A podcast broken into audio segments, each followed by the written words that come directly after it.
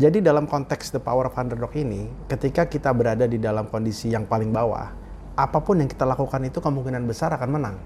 Hmm. Jadi misalnya begini, kalau saya harus bertanding dengan seseorang yang jauh lebih jago dalam pertandingan sepak bola katakanlah gitu yeah. ya.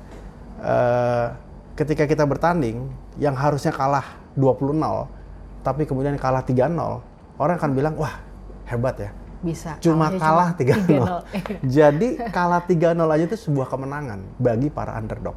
Ya. Jadi ketika ya. kita datang dari sebuah desa atau seorang pengusaha kecil yang pas-pasan gitu ya, hmm. semua perjalanan itu akan jauh bermakna ketika dia berhasil hmm. dibandingkan mereka yang sudah berhasil hmm. dan semakin berhasil. Ya. Smart Business. Hai Smart Listener, kita jumpa kembali dalam podcast Smart Business dan kali ini kita mau membahas mengenai the power of underdog. Nah mungkin kata-kata the power of underdog atau underdognya sering kita dengar untuk menggambarkan pihak atau sosok atau seseorang atau sesuatu yang dianggap kurang berarti, nggak berarti, lalu kemudian ya nggak bisa diperhitungkan dan sebagainya. Tetapi ternyata ada kekuatan di baliknya yang bisa kita pelajari bahkan untuk mengembangkan bisnis atau juga brand kita saya sudah bersama-sama dengan Mas Arto ya. Mas Arto ini adalah sosok yang selalu uh, fenomenal kalau menurut saya ya, selalu uh, mengajak kita untuk berpikir out of the box bahkan nggak pakai kotak ya. Hai Mas Arta, merdeka. Merdeka.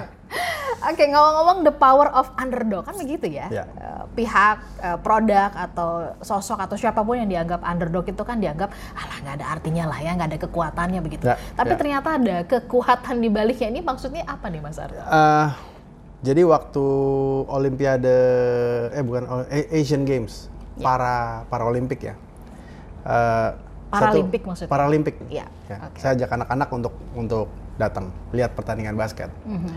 lalu lihat lomba lari. Ya. Yeah. Nah, yang menarik tuh sebenarnya adalah berapapun hasil uh, detik yang mereka selesaikan, saya baru sadar tuh semua orang yang ada dalam stadion itu bilang gila keren banget ya hebat ya larinya bagus banget ya yeah. itu uh, udah nggak punya kaki ke kencengnya minta ampun ya yeah. mereka udah nggak pernah melihat lagi berapa detik padahal tuh mungkin kalau dihitung sama orang normal kalah jauh yeah. gitu ya yeah. jadi dalam konteks the power of underdog ini ketika kita berada di dalam kondisi yang paling bawah apa pun yang kita lakukan itu kemungkinan besar akan menang hmm. jadi misalnya begini kalau saya harus bertanding dengan seseorang yang jauh lebih jago dalam pertandingan sepak bola katakanlah gitu yeah. ya. Uh, ketika kita bertanding yang harusnya kalah 20-0 tapi kemudian kalah 3-0, orang akan bilang wah hebat ya. Bisa. Cuma kalah 3-0. Jadi kalah 3-0 aja itu sebuah kemenangan bagi para underdog. Jadi ketika yeah. kita datang dari sebuah desa atau seorang pengusaha kecil yang pas-pasan gitu ya, mm-hmm. semua perjalanan itu akan jauh bermakna ketika dia berhasil mm-hmm. dibandingkan mereka yang sudah berhasil mm-hmm. dan semakin berhasil. Yeah. Jadi ketika kita seorang lulusan dari sebuah kampung kecil, sekolah kecil, nggak lulus dan lain-lain, dan kita berhasil, maka orang akan bilang wah luar biasa, dia berhasil. Mm-hmm kalau dia tidak berhasil pun dia akan bilang begini, luar biasa dari kampung kecil berani untuk mengambil hmm. keputusan itu. Hmm. Tapi kalau kita datang dari kota besar seperti Jakarta, lulusan S3 gitu ya. Yeah. Maka yang universitas pertama terkemuka begitu. universitas termuka, maka hmm. yang terjadi adalah sebuah beban. Hmm. Kok kamu nggak bisa seperti itu? Yeah. Uh, kok kok harusnya kamu bisa lebih dari itu gitu. Yeah. Nah, posisi itulah yang membuat saya uh, belajar bahwa mereka-mereka yang merasa dirinya itu tidak memiliki apa-apa atau underdog sebenarnya hmm. punya potensi untuk jauh lebih berhasil dibandingkan yang sudah punya apa-apa hmm. gitu. Hmm. Yang yang kedua yang paling penting juga ketika kita punya mental underdog, okay. kita akan merasa rendah hati karena kita nggak nggak ngerti, kita nggak hmm. jago, kita jadi kepingin ingin belajar. Yeah. Jadi mental underdog juga membantu kita untuk terus belajar mm gitu kan. Karena dengan posisi yang tidak mengerti itu kita akan tertantang untuk mau maju mau mau lebih baik dan lain-lain. Nah ketika kita ada di posisi yang sudah mengerti kita cenderung untuk tidak mau maju dan tidak ingin belajar. Okay. jadi konteks-konteks seperti ini filosofi seperti ini uh, kita bisa lihat di mana-mana. Dan ketika kita mendengar kisah sukses seseorang dan dimulai dari posisi yang paling bawah itu rasanya jauh lebih keren dibandingkan dia datang dari posisi yang sudah lebih baik. Yeah. Maka membaca buku-buku autobiografi itu akan menjadi menarik ketika dia mulai dalam posisi yang paling bawah. Yeah. Ya kan, miskin, yatim piatu, rumahnya yeah. kebakaran. Wah, itu udah sempurna yeah. banget kalau dalam yeah. konteks kita bicara dalam konteks underdog yeah. ya. Uh, sering kali kita baru mengapresiasi tadi ketika kemudian narasi-narasi itu terbangun. Jadi ini ini mungkin satu pendekatan dan pola pikir yang bisa digunakan sebagai modal dasar kita untuk kemudian terus bergerak. Ya, Mas Arta berarti uh, sebenarnya ketika uh, kita bicara tentang underdog gitu ya, ada kekuatan di sana sebenarnya yang dibesarkan itu adalah rasa percaya diri, uh, optimis begitu. Nah, ini kan sesuatu yang kalau bagi mereka yang ada di posisi artinya tidak diperhitungkan, percaya diri itu harganya mahal Nah, apa yang kira-kira kalau menurut Mas Arto gitu ya, artinya bisa menumbuhkan rasa percaya diri mereka bahwa sebenarnya mereka punya potensi, even mereka sekarang ini masih masih start baru mulai ya, belum berkembang seperti produk-produk atau uh, brand-brand lainnya begitu. Ya kita butuh role model ya.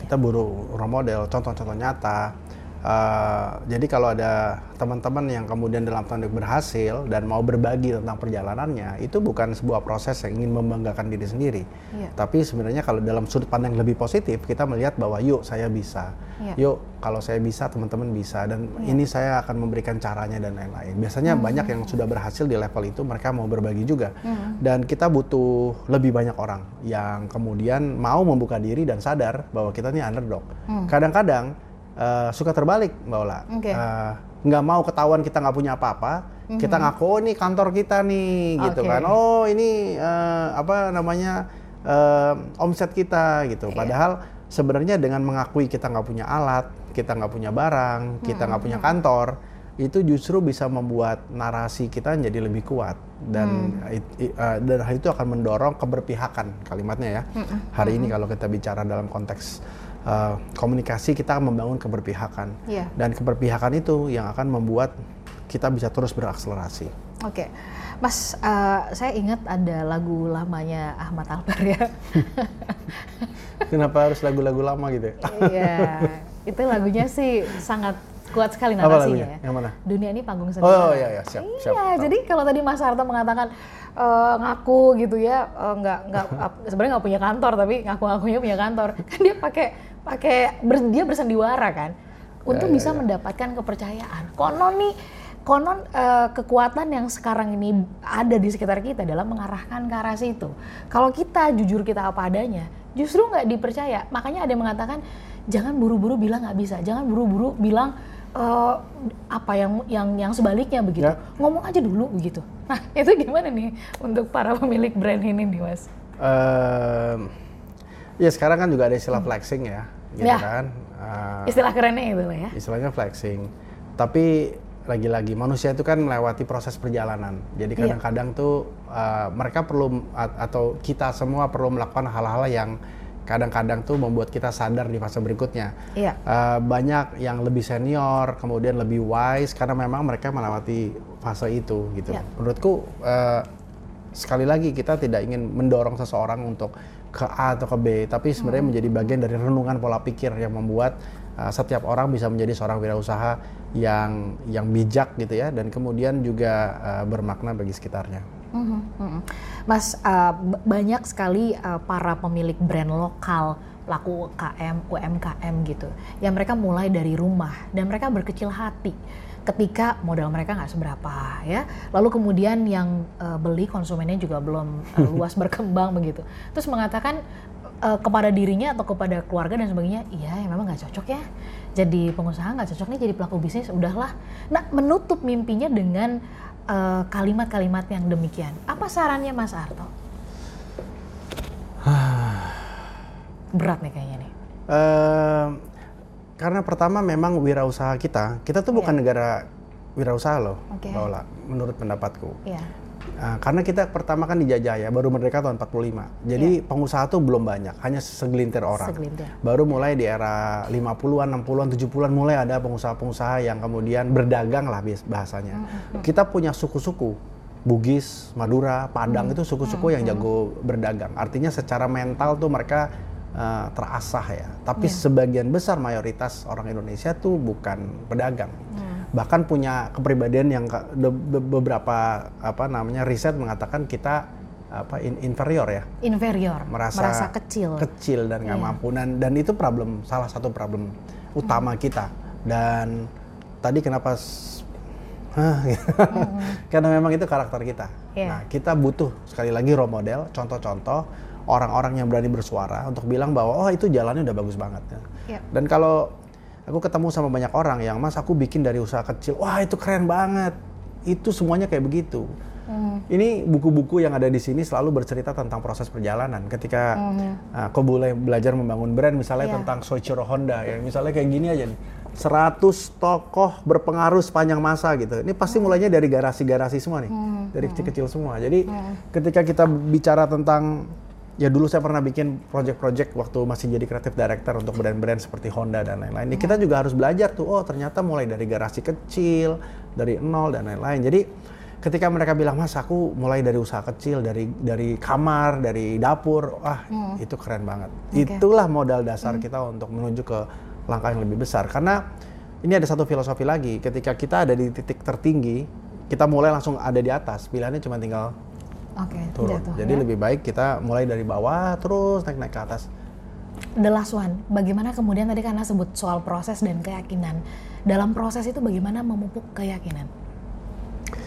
uh, kita harus bergaul sama orang-orang yang memang berproses itu itu penting banget karena hmm. tadi ya istilah toxic dan lain-lain itu hmm. penting banget uh, memilih siapa yang menjadi partner kita dalam ekosistem kita uh, ya. siapa yang akan kita kita jadikan sahabat itu jadi penting. Bukan berarti kita nggak boleh berteman dengan siapa pun ya, tapi kita yeah. tentu tentu punya role model orang-orang yang memang hmm. bisa mendorong kita untuk lebih maju dan itu menjadi bagian penting dari bagaimana kita berjejaring karena salah satu esensi terpenting dari bisnis adalah uh, tahu siapa teman, uh, siapa yang kita bisa ajak kolaborasi, siapa yang kita bisa ajak, ajak kerjasama. Dan itu yang saya pelajari dari banyak teman-teman di dalam bisnis adalah bukan hanya soal ilmunya, tapi soal seberapa banyak teman yang kamu punya di dalam uh, menjalankan bisnis tersebut. Oke, Mas Arto, terima kasih. Terus menginspirasi Indonesia. Sama-sama. Smart Listener, terima kasih. Ini topik yang seru banget ya dan eh, kami berharap topik The Power of Underdog ini bisa memperkaya kita semuanya bahkan Anda sang pemilik brand, pemilik usaha. Semoga ini bisa uh, menguatkan bisnis atau juga brand yang sedang Anda rintis. Terima kasih untuk perhatiannya. Kita akan jumpa kembali dalam podcast Smart Business. Smart Business. Lead you better.